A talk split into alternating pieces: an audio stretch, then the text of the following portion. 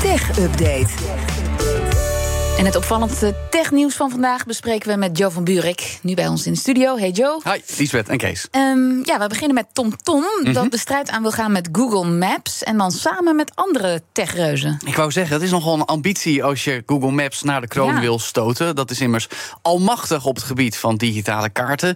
Maar TomTom wil toch echt een grotere rol gaan spelen in dat opzicht. Wil een beter alternatief bieden.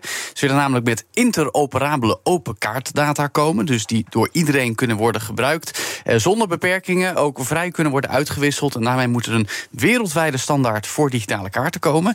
Ik zei het al, enorme ambities. Ehm, maar wel met de samenwerking waar je u tegen zegt. Want TomTom gaat hier voor de handen ineens slaan met Amazon Web Services. De cloud-tak van Amazon. De grootste ook op het gebied van cloud over de hele wereld. Ook het moederbedrijf van Facebook, Meta, eh, doet daar mee. Eh, en dan ook nog eens Microsoft. De Linux Foundation is betrokken als toezichthouder. Eh, met elkaar hebben ze dan de Overture Maps Foundation opgezet. Daar moet dus kaartdata gemaakt gaan worden die door iedereen gebruikt kan worden. Eigenlijk door allerlei stromen van data op te vangen en op een goede manier te bundelen en te gebruiken. Op het moment is er al wel een open source alternatief voor Google Maps, OpenStreetMap. Dat kennen we niet echt, maar dat wordt wel toegepast op allerlei plekken. Onder meer door Meta en. Amazon in hun toepassingen. Microsoft gebruikt al wel de bestaande data van TomTom in Bing Maps. Maar vraag me niet wie Bing Maps gebruikt. Nee, Lisbeth. nog ik nooit gehoord. Ik maar ken alleen maar, mensen die eh, Google Maps nog even over die plannen van Ja. TomTom. Want waarin verschilt die kaart dan straks, als het allemaal doorgaat... van mijn Google Maps? Nou, het belangrijkste verschil is denk eh, eh, wat er met de data gebeurt. Want op het moment dat jij Google Maps gebruikt, gebruikt Google ook weer Ja. de data die jij in Ja. Google Maps genereert natuurlijk. Los van het feit dat het ook allemaal van Google is. Dus een partij kan alleen van Google Maps data gebruik maken door daar een overeenkomst mee te sluiten. Eh, deze nieuwe combinatie van Overture moet eigenlijk open source worden, als ik het goed begrijp. Dus dat moet echt voor iedereen gebruikt eh, En maakt door niet uit wat voor worden. soort Nee. smartphone. Nee, ja, auto's, smartphones. Iedereen mag meedoen. Toepassingen, ja, van alles.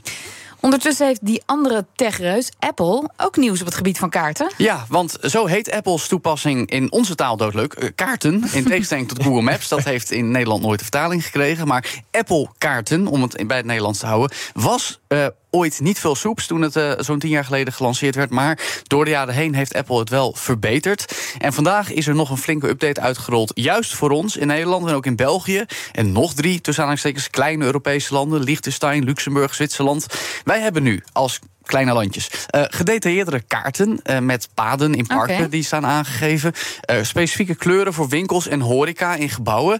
En ook sommige gebouwen die je in 3D kan bekijken. Nou, dat zijn eigenlijk een hoop dingen die we al En kennen. ook van bergpaadjes in Zwitserland. Nou ja, dat denk ik wel. In ieder geval paden in parken. Nu heb je daar in Zwitserland natuurlijk echt de natuur. Dus misschien dat het al aangegeven stond. Maar in elk geval, in parken komt het erbij. Ook als je Apple-kaarten gebruikt om te navigeren in de auto... zou het gebruiksvriendelijker moeten zijn. In plaats van dat je de aanwijzing na 200 200 meter de afslag krijgt... zou het nu moeten zijn, sla rechtsaf op de kruising. Dat is toch iets natuurlijker. Mhm. Eh, en er is een nieuwe functie, kijk rond, bijgekomen. Eh, en dat is eigenlijk gewoon wat Google Street View doet. Dus één bepaalde plek op de kaart Ja, en aanwijzen. dan waar je eh, lekker in- rondjes draaien. Precies, waar je in 360 graden om je heen kan kijken naar één bepaalde plek op de kaart. Ja, eh, dat is natuurlijk hartstikke handig. En dat je- hoeft dus niet alleen maar in Google meer. Ze doen hetzelfde, alleen geven er een Nederlandse naam aan. Apple Ja. Kijk Rond. Nou ja, leuk. Maar in elk geval, de, de functie is nu beschikbaar en dat maakt Apple kaarten. Dus tot een nog iets beter alternatief. Als in Google Maps is nog steeds de absolute marktleider, maar ook Apple kaart wordt daarmee dus weer ietsje verbeterd. En dan nog even dit. De politie heeft tientallen websites offline gehaald... waarop DDoS-aanvallen werden verkocht. Ja, een boeiende operatie vind ik. Met ook een spannende naam, Power Off. Als samenwerkingsverband tussen opsporingsdiensten uit de VS, het Verenigd Koninkrijk, Polen en ons eigen land dus. Eh, bij elkaar eh, hebben deze eh, diensten met elkaar 50 websites neergehaald, beschrijft nu.nl. Dat zijn allemaal sites waarop DDoS-aanvallen besteld konden worden. Nou, ik hoef niet meer uit te leggen wat een DDoS-aanval is, maar voor wie het niet weet, dan belast je een, overbelast je een bepaald domein. Wordt dataverkeer, met te veel dataverkeer, waardoor het niet meer bereikbaar wordt of slecht. Er zijn zeven arrestaties verricht, waaronder zes in de VS en één in het VK. En die laatste was dankzij onderzoek van de Nederlandse politie. Dus dat is ons aandeel in operatie Power Off. Eh, het gaat erbij om verkoopwebsites die altijd bovenaan staan als je het op eh, zocht bij Google. Dus de politie is erg mee in de nopjes en gaat voorlopig ook nog even door om er nog meer aan te pakken.